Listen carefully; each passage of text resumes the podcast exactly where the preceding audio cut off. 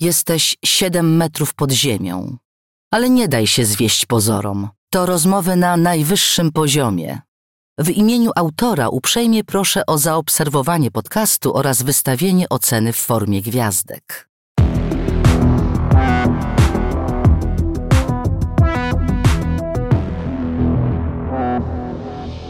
Siedem metrów pod ziemią.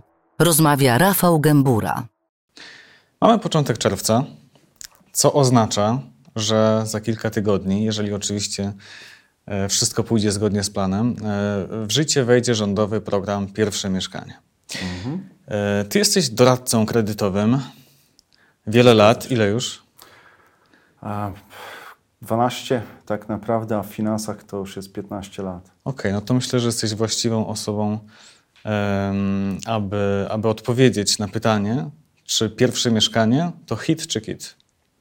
Moim zdaniem hit i to bardzo duży, pomimo tego, że większość tych rządowych projektów okazała się niewypałem związanych z mieszkalnictwem, to ten program jest fantastyczny.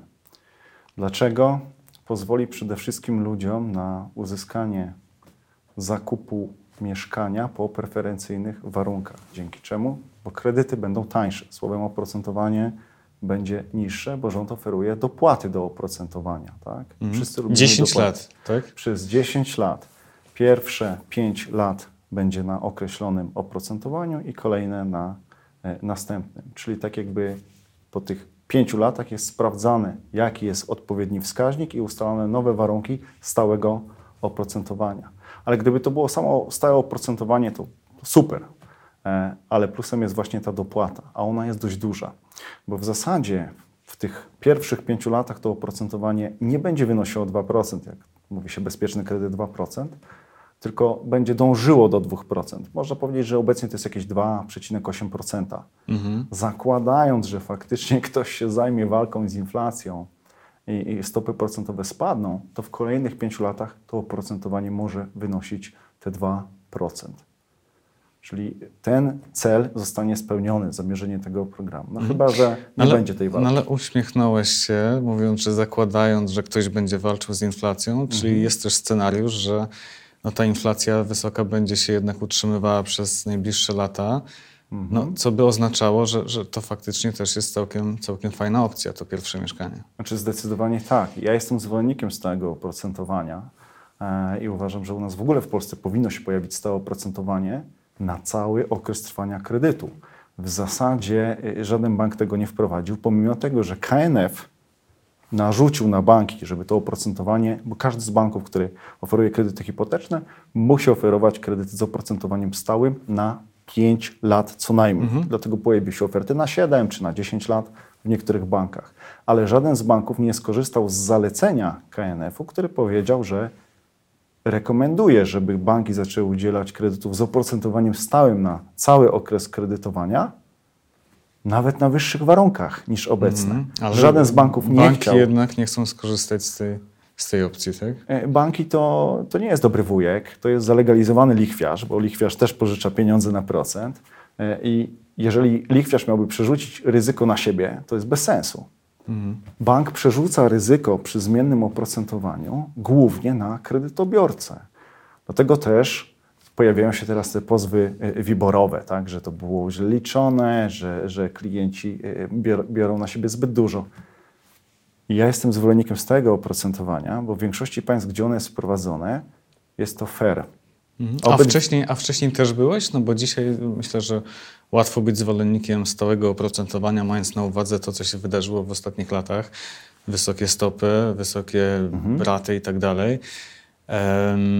No, wiele osób przewidywało kilka lat temu, że coś takiego może się wydarzyć, ale byli też doradcy, mhm. E, którzy mówili: e, Panie, bierz zmienne. Mhm. E, jak było u Ciebie, jak było kilka lat temu, szczerze okay. powiedz. Jeżeli możemy sprawdzić, a możemy sprawdzić, to uwaga, ja rekomendowałem klientom oprocentowanie stałe, kiedy było na historycznie niskim poziomie. Bo dało się w czasie covidowym kiedy y, stopy procentowe zostały sztucznie zaniżone. Mhm. To było błędem, bo to napędziło nam po części inflację. re rekomendowają oprocentowanie stałe. Tylko co ludzie robili? My mamy taką cechę, jako Polacy, że znamy się na wszystkim. Zmienne było tańsze. Zmienne było tańsze, więc co mi tu pan będzie gadał, prawda? Przecież to będzie spadać. No, nikt nie patrzył na to, że Mhm. faktycznie to było sztuczne e, obniżenie stóp procentowych względem poziomu inflacji, bo na tym polega rola Rady Polityki e, Pieniężnej, żeby panować nad inflacją. Jeśli inflacja była na wyższym poziomie, to nie trzeba było obniżać stóp.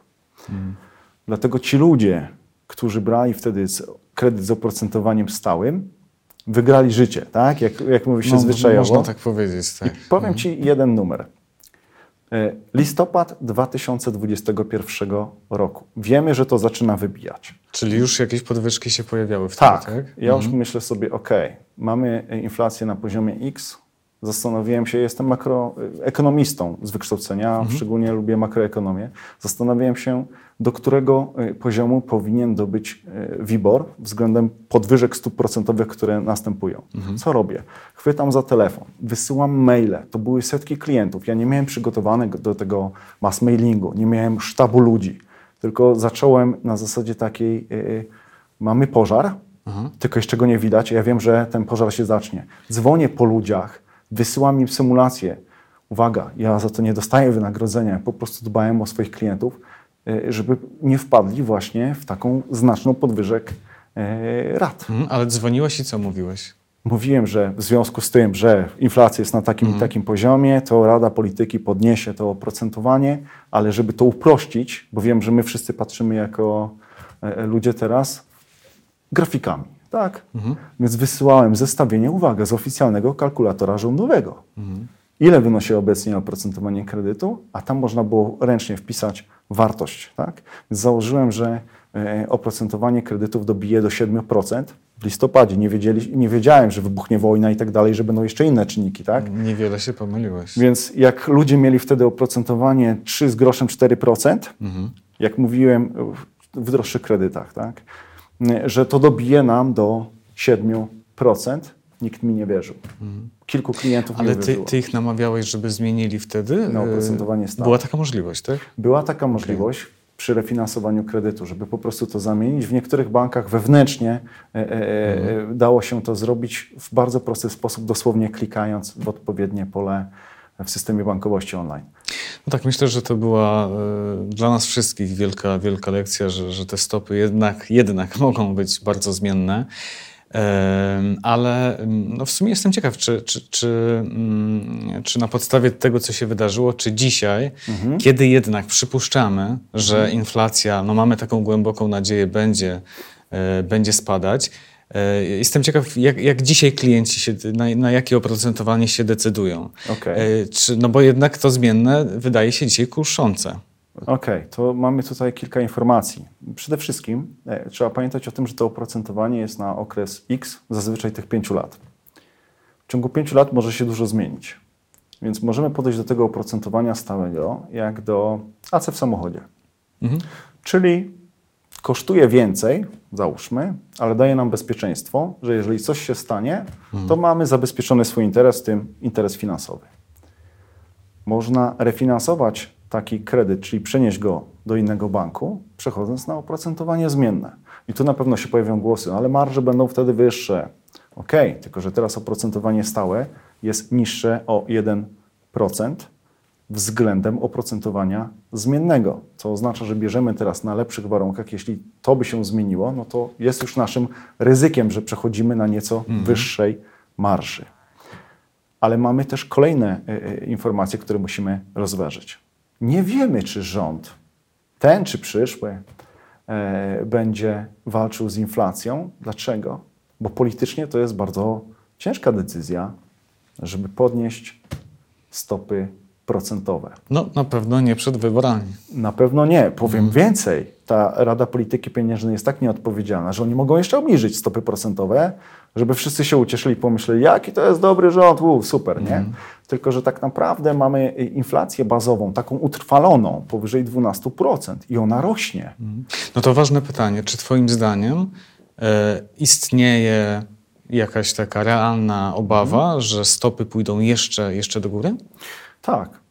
Jeżeli weźmiemy pod Czyli uwagę... to może nie być koniec. Tak. e, Rada Polityki e, Pieniężnej składa się z mm, kilku osób, tak? I część jest nadawana nominacji przez Sejm, część przez Senat, a część przez prezydenta. No i w zasadzie senacka, czyli e, ta część, gdzie jednak y, koalicja obywatelska ma większość, to nie, oni tego nie robią na złość. Ale ta część senacka, wszyscy mówią o tym, że stopy powinny być podwyższone. I w zależności od tego, kto tam jest, od 0,25 punkta procentowego do e, e, pełnego punktu procentowego. E, Dlaczego tak? Inflacja bazowa nam się utrwala. Co to oznacza? Że wszystko jest coraz droższe w czasie. Czyli to nam, te ceny nam rosną. Bo jeśli słyszymy, że inflacja rok do roku opada, to nie znaczy, że ceny No spadają. właśnie, one wciąż, e, One wciąż rosną, rosną, tylko w mniejszym tempie. Tak. Dokładnie tak. To jest mniejsze tempo wzrostu cen. A to, co ludzie odczuwają, mówią, inflacja prawdziwa to jest 30-40%. Biorąc pod uwagę w koszyk podstawowy, to wyciągamy z niego żywność, wyciągamy z niego ogrzewanie, paliwo i okazuje się, że faktycznie można odczuwać, że te wzrosty były około 30-40%, bo na całą inflację y, y, ma wiele mm, czynników wpływ, tak? Jest tam wiele współczynników. Ten raport jest dość obszerny. Mhm. Tak? Jak robiłem materiały różne i wrzucałem do sieci, to sobie wy, po prostu wycinałem odpowiednie części, żeby pokazać, o ile to wzrosło. tak, żeby Mhm, chociażby potwierdzić tą tezę. No dobrze, no to z tego, co ty mówisz, ja, ja wyciągam taki jasny wniosek, że, że ty swoim klientom doradzasz, żeby decydowali się na stałe oprocentowanie. Tak jest. A powiedz mi, jakie decyzje dzisiaj Zapadają. zapadają? Okej. Jak to się dzieli? E, W zasadzie tak pół na pół. Poważnie? Tak, Okej. poważnie. Dlaczego? Bo część ludzi bierze na siebie ryzyko. To jest trochę tak jak z inwestycjami. Są ludzie, którzy mają większą skłonność do ryzyka, są ludzie, którzy mają Okej. e, mniejszą. Są ludzie, którzy chcą mieć święty spokój. Bo też zapominamy o tym, że my nie podejmujemy decyzji finansowych racjonalnych. Większość ludzi Emocje, przy finansach mhm. kieruje się emocjami. I to nas gubi. Ale to też jest częścią życia. Bo gdyby wszyscy mnie posłuchali, moi klienci, e, w listopadzie czy w grudniu 2021 roku, to patrzyli na te wzrosty, okej, cool, nic się nie dzieje, tak, i do, zanim to wszystko opadnie do poziomu, gdzie mogliby to zablokować, minie kilka lat. Ale zakła- długiem trzeba zarządzać, właśnie tak jak inwestycjami. Jedni mają skłonności do ryzyka, drudzy nie. Kredyt hipoteczny jest długiem. Tylko Choć dług- tak ładnie się nazywa. tak, ale ładnie się nazywa kredyt hipoteczny. No, super, nie? Każdy może mieć kredyt hipoteczny. Masz dług związany z zakupem nieruchomości i od ciebie zależy, czy go szybciej spłacisz, czy nie. Banki się specjalizują w tym, żebyśmy nie myśleli racjonalnie. Banki myślą racjonalnie. W zasadzie tam też są ludzie, więc popełniają błędy, żeby jak najwięcej zarobić. Jak myślisz, dlaczego jest prowizja za wcześniejszą spłatę w pierwszych trzech latach w niektórych bankach? No, żeby zniechęcić do nadpłacania. Żeby zniechęcić do nadpłacania. A dlaczego to ludzi zniechęca? Bo jeśli widzą na przykład 3%, że mają zapłacić od kwoty nadpłacanej, to myślą, nie, no to bez sensu. Jeszcze jak było oprocentowanie względem tam 4-5%, myślą, nie, ja stracę na tym, bez sensu. I mimo, że potencjalnie mogliby nadpłacać, to jednak to ich powstrzymuje, Tak. bo, bo nie chcą e, stracić 3% tak, aha. prowizji za To wcześniejszą błąd? spłatę. Y, A teraz taka bardzo uproszczona i błędna matematyka, ale właśnie, żeby pewne rzeczy pokazać. Jeśli mamy oprocentowanie teraz 9% i nadpłacam załóżmy 10 tysięcy złotych, tak? No, Żeby prościej liczyć 100 tysięcy, bo to o. Od 100 tysięcy zapłacę w skali roku 9 tysięcy odsetek. Jeżeli nadpłacam kredyt o te 100 tysięcy i tracę te 3 tysiące, to ja zapłacę od pozostałej kwoty ile mniej odsetek? To jest 97, tak? No Tysięcy, takiego. które nie pracuje na rzecz banku, więc w pierwszym roku mam oszczędności to 9%, w drugim roku, załóżmy, że oprocentowanie spadło, też mam oszczędności, czyli nie płacę odsetek od tego, co zwróciłem. Okazuje się, że tak naprawdę Czyli pomimo tego to się po prostu bardzo opłaca. kilkadziesiąt procent oszczędności. Przy obecnym oprocentowaniu No tak, ale ludzie myślą, nie, ja nie nadpłacę. Nie? To jakie jeszcze takie błędy najczęściej e, popełniają właśnie no, posiadacze hipoteki? Mhm. Po pierwsze, y, działają na zasadzie mój dobry wujek bank, Mhm. bo lubią panią w okienku, bo przecież od lat ich obsługuje i pani im zaproponuje, czyli idę do swojego banku. Aha, znam, lubię, Znam, tak, lubię. mam dobre, pozytywne emocje. Mhm. Albo kieruje się marketingiem. Y, y, Tutaj są banki, które przodują w pomocy Wielkiej Orkiestrze Świątecznej Pomocy, chociażby, tak, co jest szczytne. ale to buduje wizerunek, że to jest super bank. No tak. Bank to jest legalny lichwiarz. Czy ty będziesz się kierował wyborem, na jaki procent pożyczasz, bo ten jest przystojniejszy od drugiego? No ekonomicznie nie jest to najrozsądniejsze. Nie jest to najrozsądniejsze. Mhm. ale tutaj po prostu działa taki e, przywiązanie, działa marketing bankowy, a Mhm. tu się trzeba kierować naszym interesem. Wiesz, co jest jeszcze błędem? Mhm. Bo mi się nie chce zmieniać konta. Mhm. Bo ja tutaj robię dużo przelewów. Ile to jest dużo? 5? 10? No jak robisz stówę, okej, rozumiem. Żeby pozmieniać polecenia, Czyli- zapłaty. Czyli, no okej, no to wymaga jakiegoś zachodu z całą pewnością. Czyli pół ale to może, no tak, ale to może przełożyć się y, na duże oszczędności. Dziesiątki tysięcy oszczędności. Okej. Jeżeli bierzemy pod uwagę obecne oprocentowanie, to pomiędzy pierwszym z czterech najtańszych banków, a czwartym, który dalej jest najtańszy, tak? to jest zazwyczaj przy mniejszych kwotach, to może być 20-30 tysięcy oszczędności. Za to, żeby poświęcić jednak to, te pół godziny, pozmieniać te przelewy i, zobaczyć, co jeszcze może być za rogiem, tak? a nie u pani e, Hani, która jest super dziewczyną, ale no, No to jednak, Ona jednak, za nas nie jednak się kredytu. opłaca. No tak, oczywiście, pomimo tego, że jest sympatyczny. E, Wróćmy na chwilę jeszcze do, Okej. do programu Pierwsze Mieszkanie. Em, Wiele tam się zmieniało w, w ostatnim Mhm. czasie e, w projekcie tej ustawy. Em, Dla kogo to jest e, program? Kto będzie mógł skorzystać? To jest fantastyczny program dla ludzi, którzy, takie jest założenie programu, nie posiadały y, nieruchomości. Czyli dla osób, które w szczególności młodych, czyli do 45 roku życia i warunek jest taki, że przy składaniu wniosku kredytowego jedna osoba w gospodarstwie domowym nie może być starsza y, y, niż te 45 lat. Czyli jeśli mamy osobę, która w dniu składania wniosku ma 45 lat, a druga ma na- nawet 60, okej. 80 to jest je- jest ok, tak? Więc do 45. Warunek taki nie może posiadać nieruchomości mieszkalnej, chyba że nabytej w drodze spadku, Mhm. tak? I tak naprawdę nie więcej niż 50% udziału w tej nieruchomości mieszkalnej. Czyli w zasadzie o co z tym chodzi, żeby to prosto wytłumaczyć. Jeżeli ktoś zmarł w rodzinie i na przykład nasz rodzic i mamy dwójkę, trójkę rodzeństwa i to jest proporcjonalnie dzielone pomiędzy spadkobierców, Czyli to jest jedna warunek spełniony. trzecia jest moja, to, To okej. jest ok. Jedna, druga, jeśli jest dwoje rodzeństwa, to też jest ok. Z tym, że tu jest zapis, który ja, dla mnie to jest głupi zapis, przepraszam bardzo, bo y, te dzieci mogą mieszkać w tym mieszkaniu, tak? ale według programu nie można do 12 miesięcy wstecz mieszkać w tej nieruchomości. I od razu, bo część osób nie będzie tego wiedziała, działka, nawet budowlana, nie jest nieruchomością mieszkalną. Okej, czyli działkę można mieć. Działkę można mieć, działkę można kupić.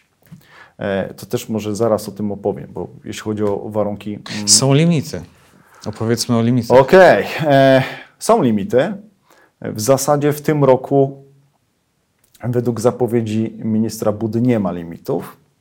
I tak naprawdę wczoraj dyskutowałem z prawnikami na ten temat, e, jak odczytać całą ustawę. Bo trzeba pamiętać o tym, że to jest trzeci projekt ustawy po poprawkach Senatu, który będzie wchodził w życie, więc po drodze było trochę informacji błędnych. Ja też gdzieś wrzucałem informacje na podstawie pierwszej wersji, później drugiej, tak? Więc to też trzeba usystematyzować.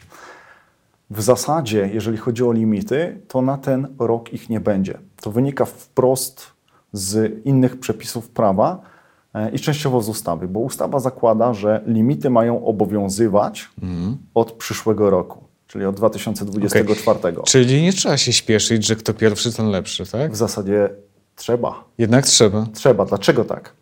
Weźmy sytuację taką. Rząd będzie musiał z pozostałych funduszy na ten rok, jeżeli chcą spełnić obietnice wyborcze, bo A zakładamy, że będą chcieli. że będą chcieli, to z wszystkich pozostałych funduszy będą przerzucać kasę, bo tak naprawdę na ten rok to jest parę milionów złotych. E, więc będą musieli się posiłkować innymi funduszami. Załóżmy, że wszyscy będą składali wnioski i jest obietnica, że wszyscy, którzy złożą i spełnią warunki, dostaną to dofinansowanie. Jeżeli się spóźnimy i przejdziemy na przyszły rok, to już limity obowiązują. I tych pieniędzy starczy na jakieś 40 tysięcy wniosków. A powiem Ci tak, w czasach prosperity to banki tyle w miesiąc potrafiły A, uruchomić. czyli to jest niedużo. To jest niedużo. To jest niedużo. Poprzednie programy rządowe, czyli na przykład Rodzina na swoim mieszkanie dla młodych, też miało ograniczenia kwotowe. I jak programy były wygasane i te kwoty się zmniejszały, to się po prostu czekało jak w blokach startowych na styczeń, wszyscy składali wnioski i w, po, w lutym już nie było co Żeby robić. się załapać, okej. Dokładnie No, tak. ale to z tego, co mówisz, no to wynika, że, że w sumie rozsądnie byłoby zadbać o to, aby jeszcze w tym roku Tak. e, wziąć hipotekę. Mhm. No to z kolei może oznaczać jakiś ko- kompletny Armagedon. Yy, tak, spodziewamy się wszyscy, czyli i banki, i pośrednicy Armagedonu. Dlaczego tak? Banki mają wąskie gardło w postaci centrali analitycznych, czyli słowem ludzi, którzy są odpowiedzialni za to, żeby sprawdzić, czy mamy zdolność kredytową, czyli analiza finansowa, ludzi, którzy muszą wycenić naszą nieruchomość, czyli to jest analiza techniczna albo e, wycena, no i analiza tam jest już prawna, przygotowywanie umowy. Ale w zasadzie e, nawet największe banki nie mają setek ludzi zatrudnionych w działach analitycznych. To jest mitem. Jak myślimy, że to jest taki konglomerat po prostu i to jest taśma wielka. Absolutnie nie. Może poszerzą te działa. E, nie zrobiły tego w momencie, kiedy był boom na przy niskich stopach. Naprawdę większość banków była zapchana i procesowała po 2-3 miesiące wnioski kredytowe. Jeżeli teraz wszyscy się rzucimy, bo tak będzie, e, to czas procesowania się wydłuży. A są banki, gdzie uwaga, e, no, żeby też nie zdradzać może takich, e, to chociaż to nie jest tajemnica bankowa, ale to jest z mojej, z mojej strony, gdybym ja tak miał prowadzić firmę, e, to bym sobie wolał strzelić w stopę. Wyobraź sobie, że jeden z banków ma cztery centrale analityczne w Polsce, w takim uproszczeniu. I tam jest na przykład tylko sześć osób, które wprowadza wnioski do dalszej analizy. Sześć. Na całą Polskę. Tak. Znaczy na region, taki dość duży. No to powiedzmy, y, no to mimo wszystko oni dostaną tam tysiące wniosków. Okej, no to może się faktycznie lekko... Może się to wąskie gardło zrobić, nie? E, I dlaczego banki nie zwiększą zatrudnienia? No bo i tak to przeprocesują. No Rozumiesz? tak, ludzie po prostu będą czekali będą dłużej na- czekali, na, na ale decyzję to, i tyle. to stworzy sporo problemów związanych z umowami przedwstępnymi i pytałeś, jakie się błędy popełnia. Nieraz przychodzą klienci, którzy już podpisali dokumenty bez konsultacji wcześniej i nie wiedzą, ile zajmuje aktualny proces. Znaczy dokumenty na mieszkanie Tak, czyli- w ramach y, pierwszego mieszkania, tak? w ramach tego, że chcesz zakupić. Bo już teraz na przykład możesz Czy podpisać... jakaś taka umowa rezerwacyjna, coś takiego, tak? w przypadku rynku pierwotnego No i na co uważać, powiedz? no, trzeba właśnie uważać na to, żeby pamiętać o tym, że ten proces może być dłuższy, czyli nie podpisywać umowy na przykład na 30 dni do przodu, bo Okej. nikt się nie wyrobi, e, e, praktycznie żaden z banków się nie wyrobi w tym tempie. Mm, Czyli uważać na daty. Uważać na daty, uważać na kary umowne, jeżeli są daty już y, określone, bo kary umowne też są częścią tego i w zasadzie ktoś może odhaczyć sobie, dobra, nie, nie dostał pan finansowania, bo nie zdążył, tak? No tak. Mieć decyzji. Nie z jego winy. 10 bo, tysięcy, dziękuję bardzo, next, tak? Bo też mogą, tak, mo- może chętni, dojść... chętni będą w kolejce się ustawiać. Tak, chętni i tak się będą ustawiać, bo tak jest. Powiem Ci lepiej. Mm, Jesteśmy teraz w Warszawie. E, Przejeżdżałem tutaj e, e, obok Lesznowoli. i Ja wiem, że tam jest jeden z deweloperów, który mówi, słuchaj, ja nic nie sprzedaję. Czekam na program. I mówi, ja mam tu kilkadziesiąt mieszkań. Jak myślisz, ile osób do mnie uderzy? Ja się śmieję, że oni będą, mówię, No. w niektórych projektach robić licytacje i nagle te ceny wybiją, więc z tym też jest ryzyko związane. No, deweloperzy z całą pewnością bardzo na tym skorzystają. To jest biznes. To jest Tak, biznes, można tak ich to działa. krytykować, ale każdy z nas chce zarabiać, niezależnie od tego, czym się zajmuje. Mhm. I deweloperzy, tak jak każdy inny biznesmen, musi mieć kasę, tak? No tak, jasne. E, powiedzmy jeszcze e, o, o tych limitach kwotowych, które też tam się pojawiają. Mhm. Jak, jak to wygląda? To jest związane z tym, kto może właściwie ubiegać się o Mhm. mm, dofinansowanie. W zasadzie tak, w ramach gospodarstwa domowego e, mamy singli, Mhm. Którzy mogą się maksymalnie ubiegać o 500 tysięcy złotych. Jeżeli chodzi o gospodarstwo domowe tworzone przez parę z dzieckiem, mogą się ubiegać o 600 tysięcy złotych. Mhm, okej. I małżeństwa, niezależnie od tego, czy posiadają dzieci, czy też nie, to jest 600 tysięcy złotych. Ale do tego jeszcze e, wkład własny, tak? Do tego dochodzi wkład własny w wysokości 200 tysięcy złotych, to jest Maksymalny. maksymalna. Tak, To też powoduje to, że Czyli do 800 tysięcy możesz kupić nieruchomość. tak jest, maksymalna cena zakupu to jest 800 tysięcy dla pary z dzieckiem albo małżeństwa, bo tak naprawdę dla singla to jest 700 tysięcy. I uwaga, To jest taka pułapka, bo program w zasadzie wyłączył to, żebyśmy e, wnioskowali z współkredytobiorcą, żeby uzyskać kredyt. Co to oznacza? Są osoby, które są mniej majętne, mają mniejsze dochody i chciałyby wnioskować o kredyt, ale no, nie wystarczy im tej zdolności kredytowej i w normalnych, przy normalnych kredytach mogą wziąć, nie wiem, partnera, partnerkę, babcię, dziadka, mamę, wszystko jedno w zasadzie kogo, żeby ta osoba wspomogła nas zdolnością. Tutaj program to wyklucza, czyli najzwyczajniej w świecie, jeżeli tworzymy parę i chcemy wnioskować o kredyt w ramach bezpiecznego kredytu, to tylko jedna osoba z nas może. Pomimo tego, że my dla siebie jesteśmy gospodarstwem domowym. Prawnie nie jesteśmy gospodarstwem domowym, dopóki nie mamy dziecka. Według interpretacji tej ustawy. Ja też to konsultowałem z prawnikami, bo to nie było jednoznaczne. Z innych zapisów ustawy wynika to, że musimy nabyć całość nieruchomości, a nabywając z drugą osobą możemy nabyć to względem udziałów, czyli po jednej drugiej, na przykład każda osoba. I tu jest ta pułapka i dużo osób może teraz być zaskoczone, jak to słyszy, bo wcześniejsze informacje były podawane inne. No okej, dobrze. E, dopytam jeszcze o domy, bo tam też są limity, tak żebyśmy Mhm. Są limity i drobne pułapki, podali. takie, Mhm. takie drobne. E, Haczyk polega na tym, że w przypadku zakupu domu obowiązują nas te same limity co do mieszkania. To też wyklucza zakup w niektórych miejscach. Ale jeżeli chcemy wybudować dom, to limit jest maksymalną wartością nieruchomości, która nie może przekroczyć miliona złotych. Mhm. To już To jest liczone z działką? to jest liczone z działką i z kwotą kredytu. Ojej, no to y, w Warszawie właściwie y, Odpada. odpada. Nie, pod Warszawą y, też, bo ceny działek Mhm. Czasem pod działki kosztują po kilkaset tysięcy. Tak, tak. To 600-800 tysięcy Mhm. to jest norma obecnie. Więc w zasadzie y, odpada dla takich klientów, ale dla osób, które chcą Mhm. nabyć dom albo wybudować go w pozostałych regionach y, y, Polski, gdzie nie są to duże miasta, tylko po, powiedzmy jakieś powiaty Mhm. mniejsze, jak najbardziej będzie można e, zawnioskować. Tylko proszę Mhm. pamiętać o jednej rzeczy. Działka, którą chcemy nabyć, musi mieć pozwolenie na budowę. Kredyt nie zakłada tego, czyli cel kredytowania, że kupujemy działkę sobie na przykład na inny kredyt i dopiero, e, e, dopiero kupujemy, e, właściwie pozyskujemy pieniądze na dokończenie budowy, tak? czyli na rozpoczęcie prac budowlanych i na zamknięcie tego. Żaden z banków praktycznie nie wpisze się na drugim miejscu w księdze wieczystej. Więc jeżeli nabyliśmy już działkę, ale nabyliśmy ją kredytem hipotecznym, to nie dostaniemy dofinansowania na O. takie rozwiązanie, bo też o tym niewiele osób wspominało. Kolejna sprawa. Działka z już rozpoczętą budową. I tu jest pies pogrzebany. No właśnie, można sobie dokończyć? e, Można. I tu jest Budowę? limit- Tak. Y, Maksymalnie dostaniesz 100 tysięcy złotych, jeżeli jesteś singlem, albo 150 tysięcy. Zaledwie? Tak, zaledwie. To jest kwota maksymalna. Tu Okej. dla, według mnie to jest jakiś strzał w stopę, ale z drugiej strony rozumiem podejście. Mhm.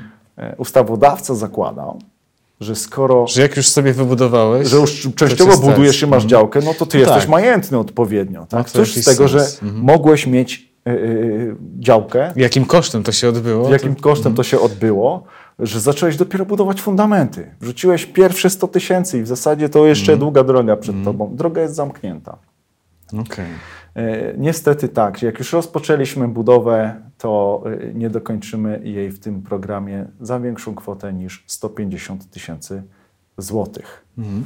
No to zobacz, są też y, no, całkiem sporo mankamentów. Mhm. E, może są też jakieś takie pułapki, na które powinniśmy uważać. Tak.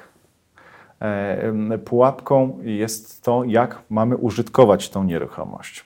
No. W początkowej fazie, jak ogłoszono program w styczniu tego roku, dużo osób myślało, ok, to ja sobie kupię kolejną nieruchomość, wrzucę ją na wynajem. Mhm. Słowem, no, dużo kombinatorów się pojawia. No jak to my, Polacy, kombinujemy. Zawsze tak było, jest i będzie. Oczywiście. Nie Co nic z tego?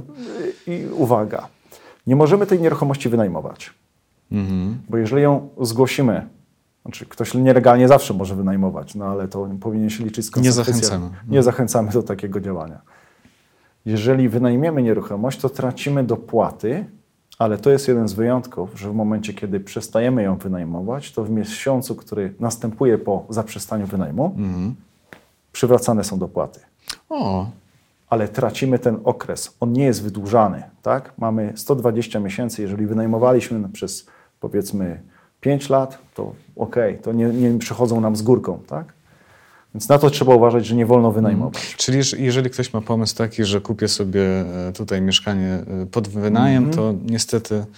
Odpada. może się nie udać. No chyba, że będzie kłamał No tak. i, i bo proszę pamiętać o tym, że y, każdy z nas składając wniosek na taki program podpisuje odpowiednie oświadczenia pod rygorem karalności, Mhm. tak? jeśli będą niezgodne z prawdą. Zazwyczaj to i tak jest częścią składową wniosków kredytowych, ale tu Bank Gospodarstwa Krajowego narzuca na banki, które będą obsługiwały program, żeby te wszystkie oświadczenia były pouzupełniane. Mm, jasne.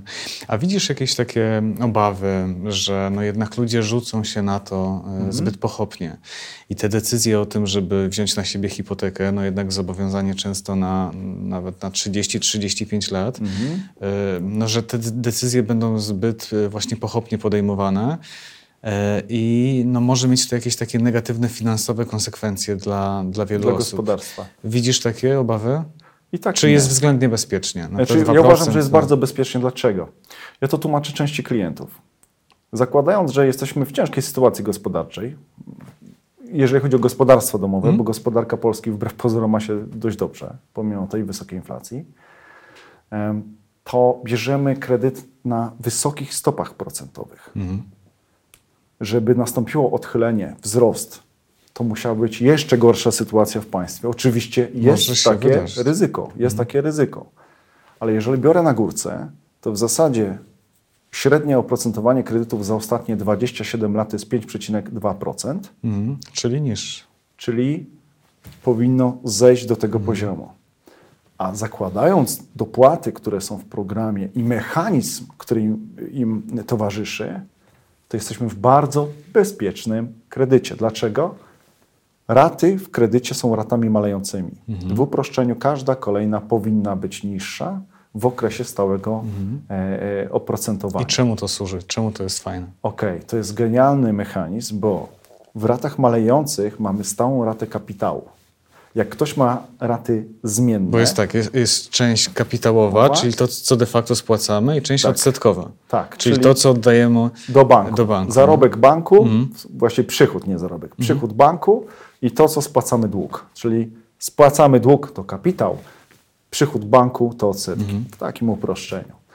Jeżeli mamy stały kapitał, to cokolwiek by się nie działo, w tym samym tempie spłacamy dług. Ale odsetki nam spadają, bo więcej tego kapitału cały czas spłacamy. No tak, okej. Przy oprocentowaniu zmiennym dochodzi do sytuacji, i to na pewno wiele osób wie, że proporcje przychodu banku, czyli odsetek, do kapitału to jest czasami 6 do 1. Innymi słowy, bardzo dużo się oddaje w odsetek, jak są wysokie stopy procentowe i oprocentowanie, a mało się spłaca kapitału. Dla kredytów niektórzy spłacają 3000 zł raty, z czego 2000, na przykład 500 albo i więcej, to zależy jaki jest okres kredytowania, to mogą być same odsetki. Czyli jest to poczucie niesprawiedliwości, że w zasadzie my nie spłacamy y, tego kredytu, No tak. tylko cały czas karmimy banki. Ja to rozumiem, bo to może być rozgoryczenie e, dość duże. I dlaczego ten program jest w zasadzie bezpiecznym kredytem? Bo mamy raty malejące, czyli szybciej spłacamy nasze zobowiązanie, ale normalne raty malejące byłyby wyższe od raty, y, y, rat równych, tak? przy oprocentowaniu zmiennym czy przy oprocentowaniu stałym, ale jest ta dopłata do oprocentowania. I to powoduje to, że w zasadzie ten kredyt działa, gdyby to oprocentowanie było poniżej 5%. 2,8%. Czyli nasza rata drastycznie spada, spłacamy ten kapitał stale, nie czując wysokiego obciążenia odsetkami. Czyli jeśli bierzemy teraz przy wysokich stopach, te dopłaty są dość duże, to szybciej spłacimy i po 10 roku mamy wybór. Czy chcemy raty malejące dalej, czy raty równe? No to zakładając, e, że jednak nikt nie będzie miał e, w życiu jakichś takich nieszczęśliwych sytuacji typu utrata e, pracy albo możliwości tego, aby, e, aby pracować i zarabiać, no to faktycznie wydaje się to całkiem, całkiem bezpieczne. Bezpieczne, sensowne. tak, Mhm. i sensowne. Y, Powie, powiem więcej. Jakbym sam mógł wziąć kolejny kredyt, to bym wziął na zasadach bezpiecznego kredytu. Ja klientom radziłem, którzy chcieli brać wcześniej finansowanie, Żeby poczekali. to był strzał w stopę, bo tak naprawdę Mhm. tak jako pośrednik zarabiam wtedy, kiedy ktoś uruchamia kredyt, ale żeby poczekali, bo to są super warunki. Naprawdę nie lubię tego rządu. No taka Właśnie. prawda. A, Ale chwal. Mhm. ale ten, ten program jest dobry. Ten program jest dobry, jeżeli chodzi o kredyty, bo jakie będą konsekwencje programu dla gospodarki, to już jest inna para kaloszy, bo, bo, bo ceny mieszkań znowu wzrosną. Mieliśmy moment wyhamowania, delikatnego spadku, bo ludzie myśleli, że będzie, e, e, będą ceny mieszkań spadać drastycznie. Pamiętam pierwsze targi mieszkaniowe w 2016 roku, jak wystawialiśmy się jako firma w Warszawie. Jak ludziom mówiłem, że ceny będą rosnąć, to ludzie myśleli, że nie wiem, ja sobie sprzedaż chcę napędzić. I ci ludzie, mam niektórych klientów, z którymi współpracuję tyle lat, bo wciąż szukali nieruchomości i dopiero teraz się decydują, bo wszedł program. W zasadzie to wracają do warunków oprocentowania z tamtego czasu, tylko z cenami kilkukrotnie większymi, jeżeli chodzi o, o przełożenie ich zarobków. Tak? Więc no, No tak, dzisiaj każdy z rozrzewieniem wspomina e, tamte czasy z 2016 roku, Tak. mając na uwadze cenę e, nieruchomości. nieruchomości. E, powiedz mi jeszcze, bo, Mhm. bo to jest też myślę bardzo ciekawy wątek. No, jest wiele osób, które myślę będą te decyzje o hipotece w najbliższym czasie Podejmować. podejmować. E, Dlaczego taka osoba powinna spotkać się z kimś takim jak ty, z doradcą? Jaki to ma e, sens i jaka to jest korzyść dla tej osoby? Okej. W zasadzie można całą robotę zrobić samemu, tak powiem przekornie. No, ale trzeba zdawać sobie sprawę właśnie z tych drobnych pułapek i z, z e, braków naszej wiedzy w tym zakresie. Można samemu próbować naprawić samochód, ale okaże się, że jak się nie jest mechanikiem, to się to schrzani. Korzystając z usług doradcy kredytowego, który współpracuje z pośrednikiem kredytowym, to ja zaraz wyjaśnię, jakie są różnice w definicjach, bo to, to, jest, to jest wszystko e, dość mocno unormowane prawnie. Dzięki temu dostajemy zebranie najlepszej oferty, czyli wywiad, który byśmy zrobili, już jest zrobiony. Mhm. Zbadanie zdolności kredytowej, czyli będziemy mogli mierzyć siły na zamiary. Tak? Czy nas na coś stać, czy nas nie stać. Jeżeli nas teraz nie stać, to wiemy na co nas stać, czyli możemy zmienić swoje plany, albo dobry doradca przygotuje klienta do wzięcia kredytu. I nie chodzi mi tutaj o jakieś oszustwa i machlojki, nie wiem, grzebanie w dokumentach, tylko przegląd finansów. Czasami wystarczy pozamykać karty kredytowe czy limity w rachunkach, których tak naprawdę nie korzystamy. Czasami obciąć jakieś wydatki albo skonsolidować swoje zobowiązania. My idziemy w stronę jako społeczeństwo modelu zachodniego, który nie, osobiście mi się nie podoba. Coraz więcej ludzi ma po kilka kart kredytowych, limity w rachunku i zaczynają tak naprawdę wpadać w spiralę zadłużenia, nie mając w pełni tego świadomości. Albo biorą, bo kiedyś się przyda. No nie do końca tak to działa. I w BIK-u to jest wszystko raportowane, czyli, w, w, czyli model naszego zachowania jako klienta. Bo BIK, scoring w BIK-u polega na tym, żeby w punktach wyrazić to, jak się zachowujemy Jako konsumenci. jako konsumenci, jako kredytobiorcy. Tak? Ech, więc w zasadzie mamy tak, research zrobiony, wybór banków zrobiony, przygotowanie zrobione, pomoc w dobry doradca to zrobi w analizie prawnej nieruchomości, czyli sprawdzi, co w trawie piszczy, czy taka nieruchomość będzie zaakceptowana przez bank, czy też nie. Informacje o tym, czy jest ryzyko przy zawieraniu jakiejś transakcji. Miałem ostatnio taki case.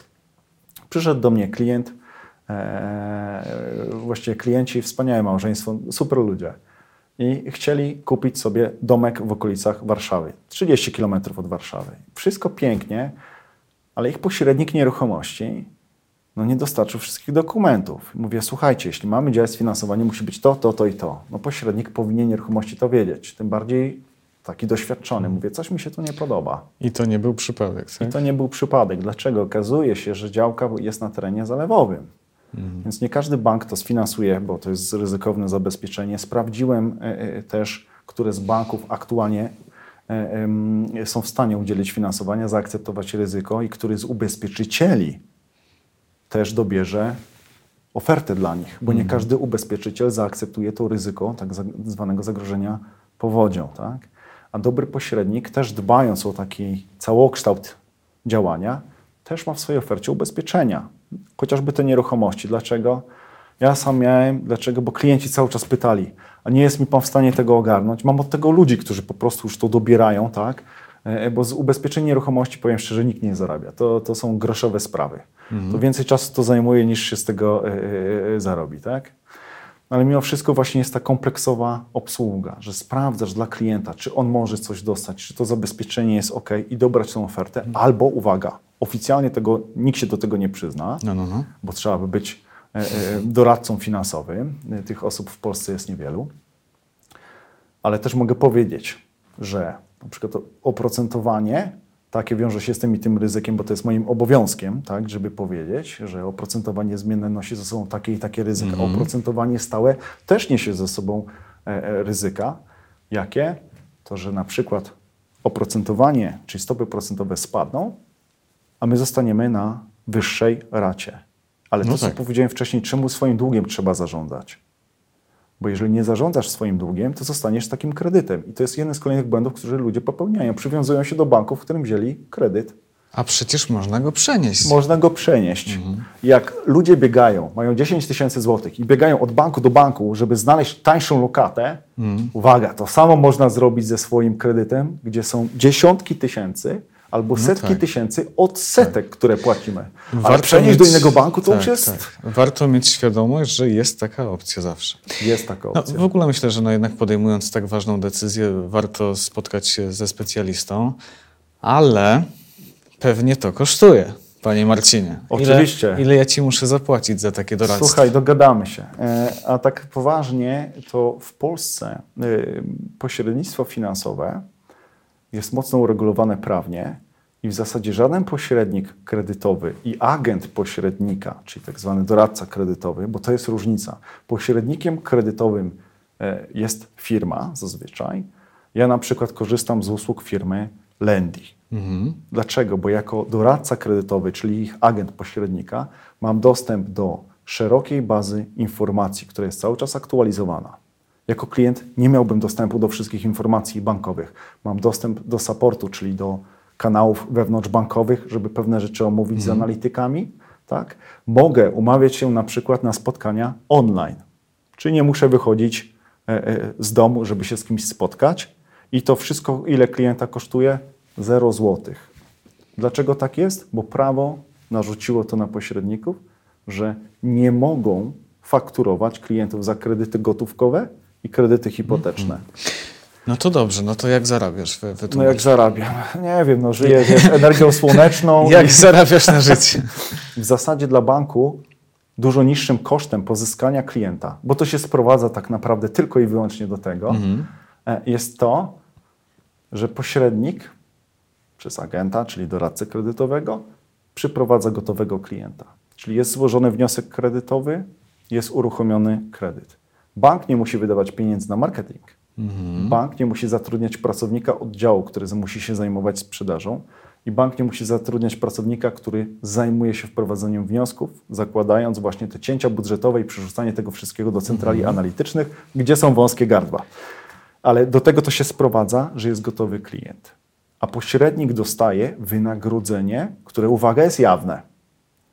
Każdy kredyt gotówkowy czy każdy kredyt hipoteczny ma dokument, który nazywa się formularzem informacyjnym. Tu kredytu gotówkowego, a tu kredytu hipotecznego. I w przypadku kredytów hipotecznych jest podane wynagrodzenie pośrednika. Okej, czyli to jest jawne, czyli, czyli bank po prostu płaci twoją prowizję. Tak. to Jaki jest to jest procent mniej więcej? Jak to się W rozkłada? zależności od banku, mogę tak powiedzieć w uproszczeniu, Jakieś widełki, no. 1,5 do 2,5%. Mhm. I to jest różne, tak? To jest różne. Ta, ta prowizja. Tak no to, jest. Mhm. to, to każe mi zadać pytanie, takie myślę bardzo, bardzo na serio. Skąd ja jako, jako klient Mhm. mam mieć pewność, że ty mi doradzisz najlepszą dla mnie ofertę, Okej? a nie tę będziesz mi podsuwał, e, no, która zapewni ci najwyższą prowizję od banku? Po pierwsze, musisz mieć świadomość, żeby spojrzeć w ten dokument. Po drugie, dobry doradca kredytowy pracujący dla pośrednika, co powinien zrobić? Omówić z Tobą wszystkie decyzje kredytowe. Co ja przez to rozumiem? Załóżmy, że chciałeś sobie nabyć mieszkanie w Warszawie z- i działamy. Jeśli działamy tylko w jednym banku, to powinna Ci się zapalić lampka. Dlaczego tylko w jednym banku jestem składany? Jeśli ktoś Ci chce powiedzieć albo mówi, że bo nie składamy y, więcej zapytań, bo w biku będzie Pan miał y, problemy, To ściema? to jest ściema. Chyba, że są wyjątkowe przypadki, jeżeli chodzi o zabezpieczenie, czyli nieruchomość, albo źródło dochodu. Czasami są nietypowe źródła dochodu, albo w przypadku działalności część banków lepiej liczy na przykład ryczałt, albo gorzej, tak? I to nam ogranicza, e, e, ogranicza Okej, działanie. ale najczęściej na ogół powinniśmy składać wnioski do kilku banków. Ja tak? zakładam trzy. Do trzech składasz? Ja składam do trzech, y, bardzo rzadko zmieniam tą liczbę. Dlaczego tak? Staram się do trzech najtańszych, żebyśmy mieli zawsze wybór, E, bo czytałem takie opinie, że do najszybszego, do najbardziej pewnego i to zdani finansiści takie rzeczy opowiadają. Ja wiedziałem, że oni nie są praktykami przy kredytach y, hipotecznych, bo w zasadzie, jeżeli nie zależy nam turbo na czasie i, i dobrze skonstruujemy umowę przedwstępną czy umowę rezerwacyjną z pośrednikiem to skonsultujemy, to mamy zap- zapas czasowy, czyli nie musimy gonić. ok? To wtedy działamy w trzech najtańszych bankach, żeby mieć po pierwsze pewność, że dostanie się finansowanie, po drugie, w przypadku niektórych kwot można negocjować kwoty kredytów i niektóre banki są bardziej skłonne do negocjacji, jak pokazujemy im, proszę bardzo, to jest decyzja z banku X. Proszę nam tutaj coś dać, żeby obniżyć marżę, bo głównie do tego się sprowadza, czyli oprocentowanie, czyli ten główny nasz koszt. Więc daje to możliwość negocjacji. No i trzy, czasami chodzi o preferencje klientów, bo ktoś jednak jest tak uparty na ten swój bank, że i tak musimy tam złożyć po prostu wniosek. Dla zasady. Dla zasady, dlaczego? Bo jeśli ja, mówiąc szczerze, miałbym stracić dochód tylko dlatego, że klient pójdzie do swojego banku i stwierdzi, ja wiem, że tu jest drożej, Ale to mój bank. ale to jest mój bank i poszedłby sam, no to już wolę złożyć ten wniosek czasami do tego banku, chyba że mam naprawdę rozsądnych klientów i posłuchają mnie z tym, że ich bank czasami to nie jest najlepsze rozwiązanie. Zobacz, mamy kilkadziesiąt ofert na rynku, biorąc pod uwagę kilkanaście banków. Jaka jest szansa procentowa, właśnie, że tak, trafisz nie- na tą najlepszą ofertę, jeżeli sam podejmiesz decyzję, to jest mój bank? Jasne, no, logika wskazuje na to, na to, że jednak niewielka. A powiedz mi jeszcze jedną rzecz, no bo em, jeżeli wiemy już, że, że ty, tobie płaci bank e, tę prowizję, no to e, no właśnie też logika podpowiada, że, że, że, że może gdybym ominął ciebie i poszedł prosto do tego banku, no to będę miał lepsze warunki, bo bank nie musi tobie zapłacić tej prowizji. Nie, bank Brzmi jak genialny pomysł. jak genialny plan. Tak było kilkanaście lat temu. Mało pośredników o tym powie, czy doradców kredytowych, bo na przykład PKO BP dawno temu miało lepsze warunki dla klientów własnych niż dla klientów od pośrednika. To, to było w ogóle totalnie e, dziwne. Obecnie wszystkie banki mają taką samą ofertę za pomocą usług pośrednika, jakbyś przyszedł do oddziału. Tak? Czyli jeśli będę próbował cię wykiwać, to się nie uda. To się nie uda. To jest, zresztą to jest trochę działanie bez sensu. Na przykładzie niektórych banków mają dwie, trzy oferty zazwyczaj. Skąd wiesz, która jest najtańsza? Bo pani ci powie w oddziale? Pamiętaj, że oni też mają plany sprzedażowe. Mówię o obsłudze, która jest w bankach. Ja to rozumiem, tak? Ja nie mam planu. Ja pracuję na swoją rzecz, korzystam z usług Lendy tylko dlatego, żeby mieć dostęp do platformy i dzięki temu, że wiesz, mam jakieś wsparcie. Ale ja nie muszę ci dać ubezpieczenia X. Ja ci powiem lepiej. Ja ostatnio klientom pokazywałem, że ubezpieczenie, które totalnie im obniża y, y, marżę w pierwszym roku, jeżeli weźmiemy te 3,25 kosztu początkowego, który musisz zapłacić ze swojej kieszeni, jeżeli tego nie kredytujesz, i o tyle miałbym mniejszy kapitał kredytu, to wychodzi taniej niż ich druga oferta w kolejności. Taka magia, nie? A w zasadzie to ubezpieczenie średnio działa. I w tych pieniądzach można mieć co innego. Słowem, jeżeli masz korzystać, to z jakiejś osoby zaufanej.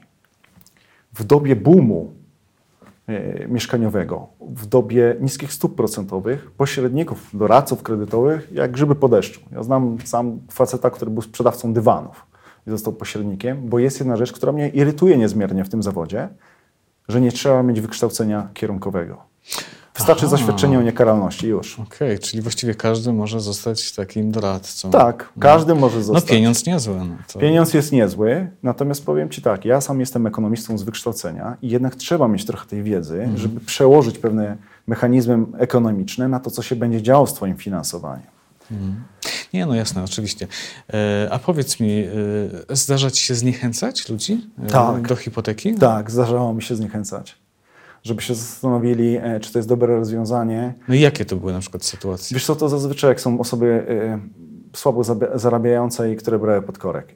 Nie żartuję, miałem takie sytuacje, że czy to jest dobre rozwiązanie, nie? czy e, nie lepiej coś tańszego kupić. Przykład takiej pani z Kielc, która no, została sama z dziećmi i chciała sprzedać swój domek. E, po to, żeby e, e, pomóc dzieciom teoretycznie, ale żeby kupić mieszkanie w mieście, tak? I drugiemu dziecku dać na wkład. No i tak się zastanawiałem i mówię, no tak, przy tym domku zawsze coś trzeba zrobić, ja to rozumiem, ale nie ma pani czynszu w takiej wysokości przy tym metrażu, który pani chciała kupić. Mówię, na styk byśmy załatwili y, y, takie finansowanie. Ale y, oprocentowanie może wzrosnąć, raty mogą wzrosnąć i to było y, w 2021 roku, ale na początku roku. Mówię, może pani skończyć z olbrzymim zobowiązaniem finansowym comiesięcznym. No, nie, Ma pani ten nie, nie domek? najlepiej by się to skończyło. Ja wiem, że pani może dojeżdżać. Dzieci mogą wynająć nieruchomość, bo nie zawsze kupno nieruchomości jest rozsądnym rozwiązaniem. Ja sam jestem zwolennikiem własności, ale z różnych przyczyn, tylko ja to robię świadomie. A jak ktoś dopiero wchodzi w dorosłość i od razu chce kupić nieruchomość, nie, zatrzymajmy się. Okej, zobaczmy, jak sobie radzę finansowo, czy ja potrafię y, oszczędzać, odłożyć środki na ten wkład y, własny, tak? A niektórzy ludzie idą po prostu, ja to nazywam na rympał, po prostu znalazłem nieruchomość, podpisuję umowę i trafiają do mnie, no ja już podpisałem umowę, okej, kupujemy, nie? I patrzysz po tych dochodach i myślisz sobie, kurde, Odważnie. to się może, tak, odważnie, to się może wywalić, tak? Ale ja wiem, że takie osoby nie, nie odwiodę już, A tak? takich osób jest dużo, czy, czy to jest Nie, mała grupa? to jest Ile? niski odsetek. Mhm. Okej. Musisz pamiętać o jednej rzeczy. Wbrew pozorom banki mają aktuariuszy, którzy zajmują się szacowaniem ryzyka. I niespłacalność kredytów hipotecznych w Polsce, terminowa niespłacalność, jest w granicach procenta. Jak są złe czasy, to jest tam 2-2,5%, co oznacza, że większość kredytobiorców jednak dostaje to zobowiązanie, ten dług do spłacania z założeniem, że zgodnie z rachunkiem prawdopodobieństwa, z ich możliwościami finansowymi, sytuacją w gospodarce domowym, tak. sytuacją w gospodarce, będą w stanie spłacać to zobowiązanie. Ryzykiem jest, i to wynika z chciwości banków, że przerzucają całe ryzyko w postaci zmiennej stopy procentowej na kredytobiorców. Dlatego ja uważam, że powinno się pojawić oddolne lobby, żeby y, y, narzucić bankom jednak to, żeby były kredyty z oprocentowaniem stałym. I dla mnie to byłby trochę strzał w stopy zawodowe, nie? bo wiesz, ludzie by nie zmieniali tak zobowiązań często. Czyli mniej, Ale mniej okazji wszystko- do, do zarobku. Tak, ale prawda jest taka, że powinno się to pojawić. Dla bezpieczeństwa Dla ludzi. bezpieczeństwa ludzi, bo wiesz, patrząc po ryzyku ekonomicznym, to kredyty z oprocentowaniem zmiennym to jest hardcore disco. W takiej Mhm. formie, jak jest to w, w Polsce. W tej chwili to, na co możemy liczyć, to, to jest to e, tymczasowo stałe oprocentowanie, bo tak to jest, jest. na to 5 jest lat. tymczasowo tak? stałe E, oprocentowanie. Widzisz, e, widzisz tak realnie, wiem, że byś chciał, tak, ale czy, czy, czy myślisz, że banki wprowadzą e, taką ofertę całkowicie stałego. Nie jest to w interesie oprocentowania, czy nie wydarzy się to w Nie jest to w interesie czasie? banków. Jeżeli nie będą musiały, to nie, Nie, będzie takiego. dopóki nie będą zmuszone odpowiednimi przepisami i regulacjami e, prawa, banki tego nie wprowadzą. Nie jest to w ich interesie. To wynika z tego, że przerzucają ryzyko na klientów. A tu, okej, umawiamy się, co by się nie działo, jest tyle i tyle. Czy gospodarka jest in plus, in minus, czy bank jest w dobrej, czy w złej kondycji. Nikogo to nie obchodzi. Okej. Masa e, cennej wiedzy, informacji, sugestii. Bardzo dziękuję Ci za e, to spotkanie. Dziękuję za zaproszenie. Mam nadzieję, że zobaczymy się ponownie, E, żebym opowiadał o finansach, bo o finansach można opowiadać godzinami. Oj, zdecydowanie, bardzo chętnie. Dzięki wielkie. To ja Tobie dziękuję.